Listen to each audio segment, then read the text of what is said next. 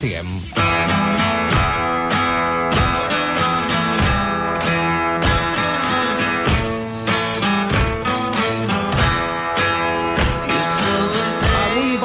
Sobre, suposadament, el finançament del procés, entre altres coses, detenció de David Madí, Oriol Soler, Xavier Vinyals i tantes altres persones.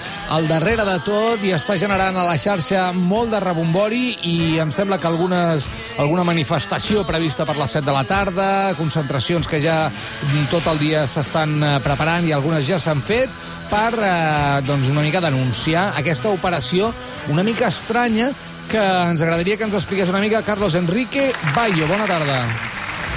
Hola, molt bona tarda. Bona tarda. Bona tarda. Bé, Tu- doncs. Tu en saps de rus, perquè tu has viscut a Rússia. Eh, ja, ja говорю по-русски.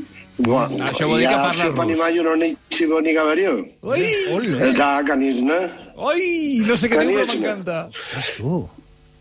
Bueno, estuve cinco años viviendo allí y si no hablo clar, ruso clar, ya clar, es que soy tonto. Sí, senyor, sí, senyor. Escolta, situem-nos. Què ha passat avui al matí? Qui, eh, qui, qui són aquests russos? 10.000 soldats russos, suposadament, 300 milions, aixugar el deute, portar-los aquí, combatre contra l'estat espanyol. De què estem parlant?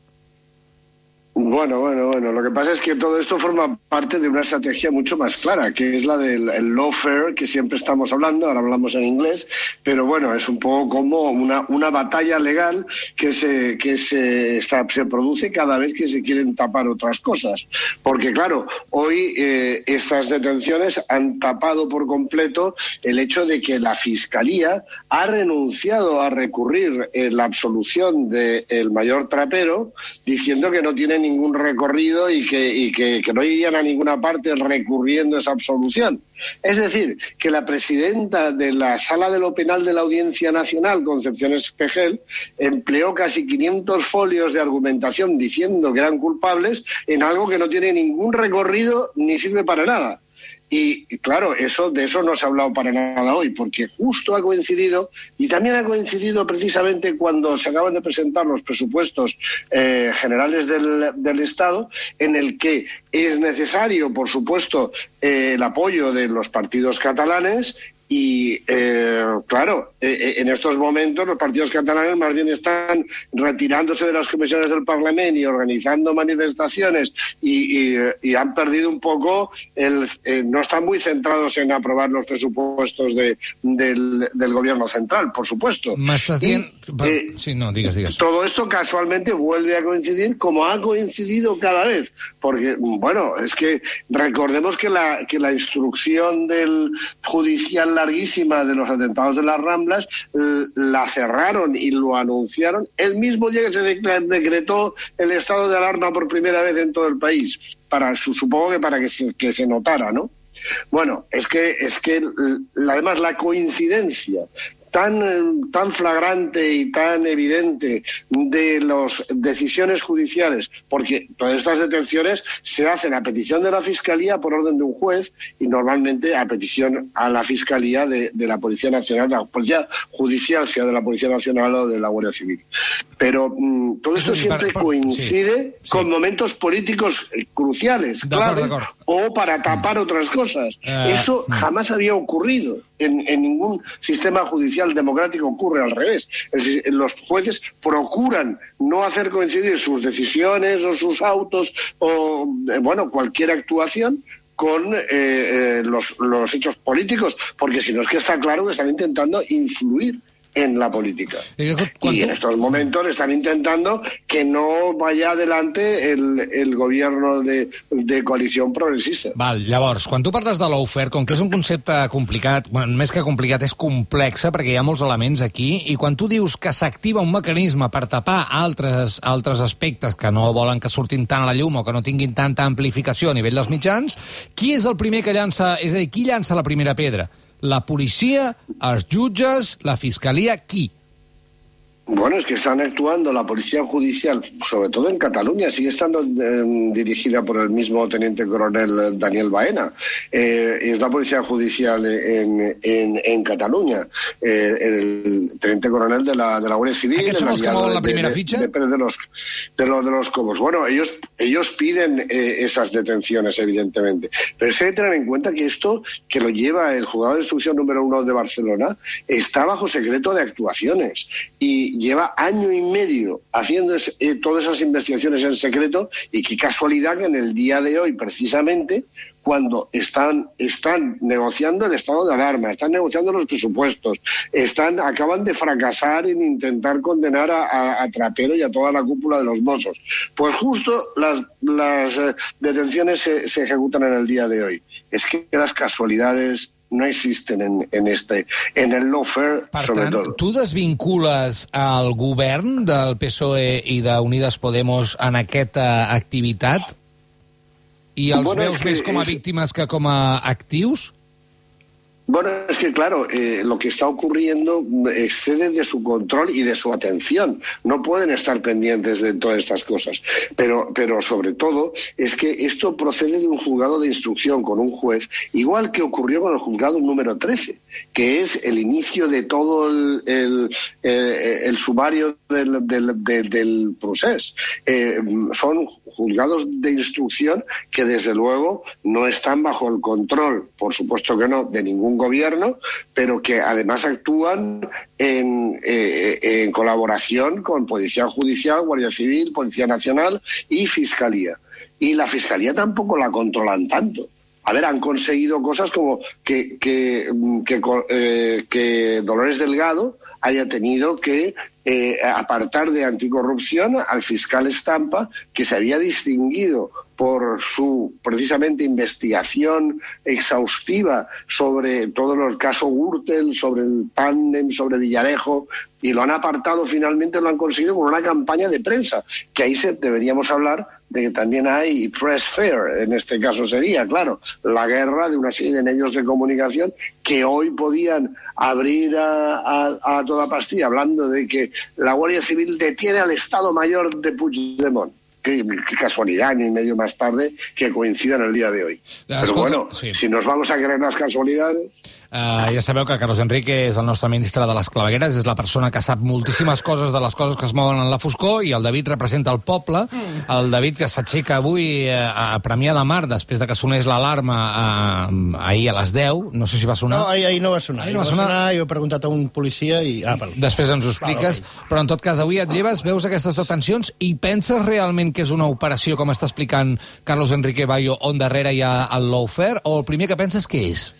El primer que penso és un déjà vu, és tinc un déjà vu i dic, ja hi som, un altre cop, en plena pandèmia, cal això ara, i després eh, no, no, hi, no hi he pensat en la coincidència aquesta de, mira, tapen això. M'ha vingut del sopar aquell, no? fa dos, dos dies que van fer un sopar molts polítics a Madrid, Sí. una entrega de premis. Et donava la sensació que era per tapar això. Potser tapant una mica això, perquè és bastant greu, i... però vaja, no... Per altra banda, aquesta Ara operació... parlen de Puigdemont al principi, després no en parla de Puigdemont, parlen de prevaricació, de. No ho sé, és que no ho sé jo, de russos, jo, jo al·lucino, jo estic al·lucinant bastant. Ja, va, és, és una Bueno, operació... eso es por, por sí, Julian no, Assange, claro. Sí, Porque Snowden... cualquier- mm. Y, eh, con Snowden se han, se han entrevistado con Julian Assange, con Snowden y, y además con el Kremlin. O sea, yo no sé si ya en el propio despacho de, de Putin celebraban reuniones con Snowden, pero vamos, eso parece ya desaforado por completo. De Eh, la- de todas maneras, sí. que al distraer la, la atención de otros temas, eso está clarísimo. Porque, bueno, en estos momentos están, todos menos uno, están en, en- en libertad con cargos, pero es que eh, cuántas cuántas absoluciones van, vamos a ver una tras otra o, o archivo de las de las causas que salen a toda página en las portadas de todos los medios y luego no sale ni un breve cuando lo archivan. Pues es que estamos com es diu, acostumbrarnos. com es diu l'operació? Ho saps, Carlos Enrique? No, ahora no. Operación Vol Eh, Volhov. Volkov. ¿Te suena Volhov? ¿Volkov? Volhov, no, no, no. La, la verdad es que esta operación no la he seguido porque Mira. estaba siguiendo precisamente todo lo otro que están intentando tapar. Llegim, es decir, por sí, sí, ejemplo, espera, espera, espera, lo espera, que Carlos Enrique, también espera, van a sí, tapar. sí. un segon, que anem... Ara, ara ens expliques això que també Volhov. taparan, però Volhov és el nom d'un riu uh, i hi ha una batalla que es diu Batalla de Volhov, que es va produir entre el 16 i el 20 d'oc- de, 16 de setembre i el 20 d'octubre del 1941. La, els alemanys estaven uh, fent el seu setge cap a Leningrad, hi havia un riu entre dues poblacions, i el 18 d'octubre el general Muñoz Grandes, amb la divisió azul famosa, va ser l'encarregat de Sí, fer sí. una operació per creuar el riu, per desactivar una sèrie d'elements artillers que hi havia a l'altra banda perquè pogués després passar l'exèrcit alemany sense problemes. Per tant, eh, o, Rússia, nazisme, eh, Divisió Azul, coincidència? Aquesta operació es digui així? Bueno, eh, eh, yo lo que sí recuerdo que me contaba mi abuela es el día de ese, precisamente en el año 41, la vanguardia titulaba La criminal defensa de Stalingrado. Los que se defendían ahí de las tropas nazis en la División Azul eran criminales por defenderse. Y eso saliera un titular a toda, a toda portada de la vanguardia. Doncs eh, aquesta operació, amb, amb el, tot el que ens explica, ens vols dir alguna cosa més al voltant de tot això, Carlos Enrique? Jo tinc una pregunta Bueno, també. es que lo que No, pues pregunta. vamos a lo que lo, lo que vamos a tapar son las declaraciones de mañana y de pasado que son históricas, porque por primera vez en la historia van a, a- a tener que testificar como imputados ante el juez por delitos, eh, pero vamos, numerosísimos e innombrables, eh, el ministro del Interior de la época, Jorge Fernández Díaz, que, y, y su secretario de, de- de Estado de Seguridad, eh, Francisco Martínez, por la operación Kitchen. Pero es que la operación Kitchen tampoco es lo que es, la operación Kitchen también tapa otra cosa. Por eso es que estamos tapando una cosa con otra permanentemente. I Kitchen està Porque- tapant? Pues el, Kitchen lo que está tapando es que esos fondos reservados ni se los daban todos, ni muchísimo menos, le, dieron poquísimo a Sergio Ríos, al chofer de, de Bárcenas, ni se utilizaban para conseguir los documentos del PP ni nada. Directamente se los embolsillaban todos los de la mafia que estaba en la cúpula pol- policial. Es que, es que además, pero lo que se está descubriendo en Kitchen es mucho mejor. Por ejemplo, uno de los socios de, de- Villarejo, uno de los cómplices más importantes, al que llaman el gordo, García Castaño, Enrique García Castaño, eh, este, este hombre eh, cobraba directamente de los fondos reservados un sobresueldo enorme y cuando lo destituyen, precisamente por una exclusiva que dimos en público sobre el chantaje a la Casa Real que, que estaban haciendo ellos, pues claro, mm, se, queda sin cobrar fondos reservados en cantidades mm, eh, muy importantes. Y entonces le envía unos mensajes al, secretario de Estado de Seguridad, a Francisco Martínez, di- amenazando con sacar el, pendrive que tiene de, de Bárcenas y en la conversación dice que se ha encontrado con Cospedal y con su marido, con López del Hierro, que, eh, que me dijeron que el tema se tenía que haber arreglado ya, que hablarían conmigo, que han y que ya eh, el, el ministro ya había dado orden de que me cambiaran otra vez y que de forma clandestina volviera a montar el tema catalán. Eh, bueno, eh, y dice y le dice al secretario de Estado de Seguridad, no sé si, si fiarme. Sea, él lo está haciendo por, porque así cobra de los fondos reservados. Y le contesta el secretario de Estado de Seguridad, yo ya no me fío de Naiden.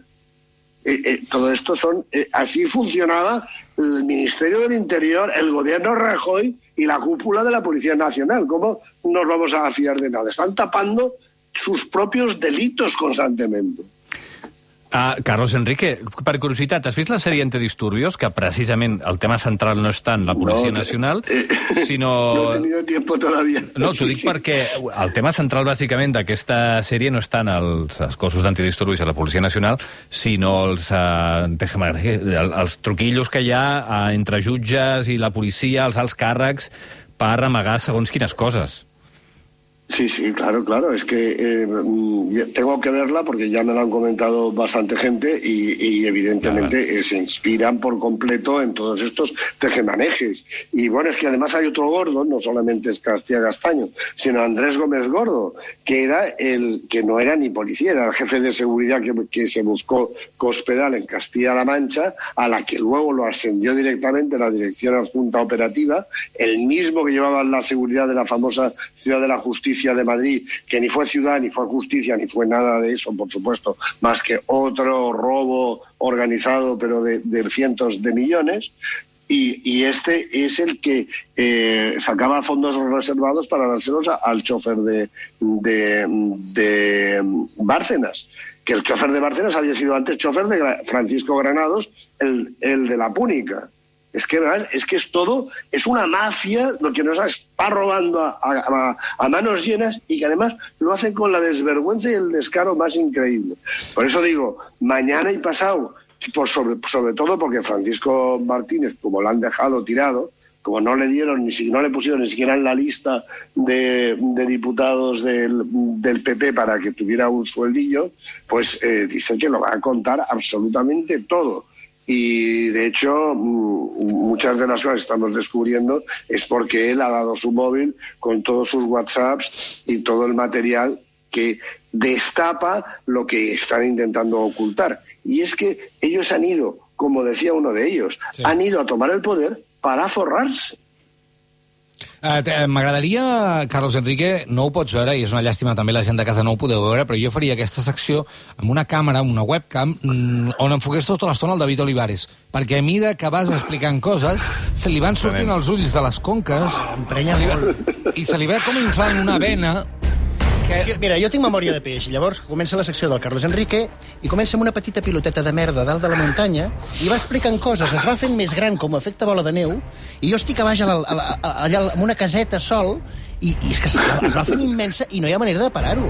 I penses, però, però, però, però quina merda, com ho parem tot això? Doncs mira, aquesta és una gran pregunta. Eh, tu segurament no pots fer res, David, però la pregunta és, algú pot parar això, Carlos Enrique, i realment la justícia, i que tot això arribi a la justícia ara, serveix perquè aquesta justícia, de manera prou independent, pugui esclarir alguna cosa o no arribarem al cap del carrer?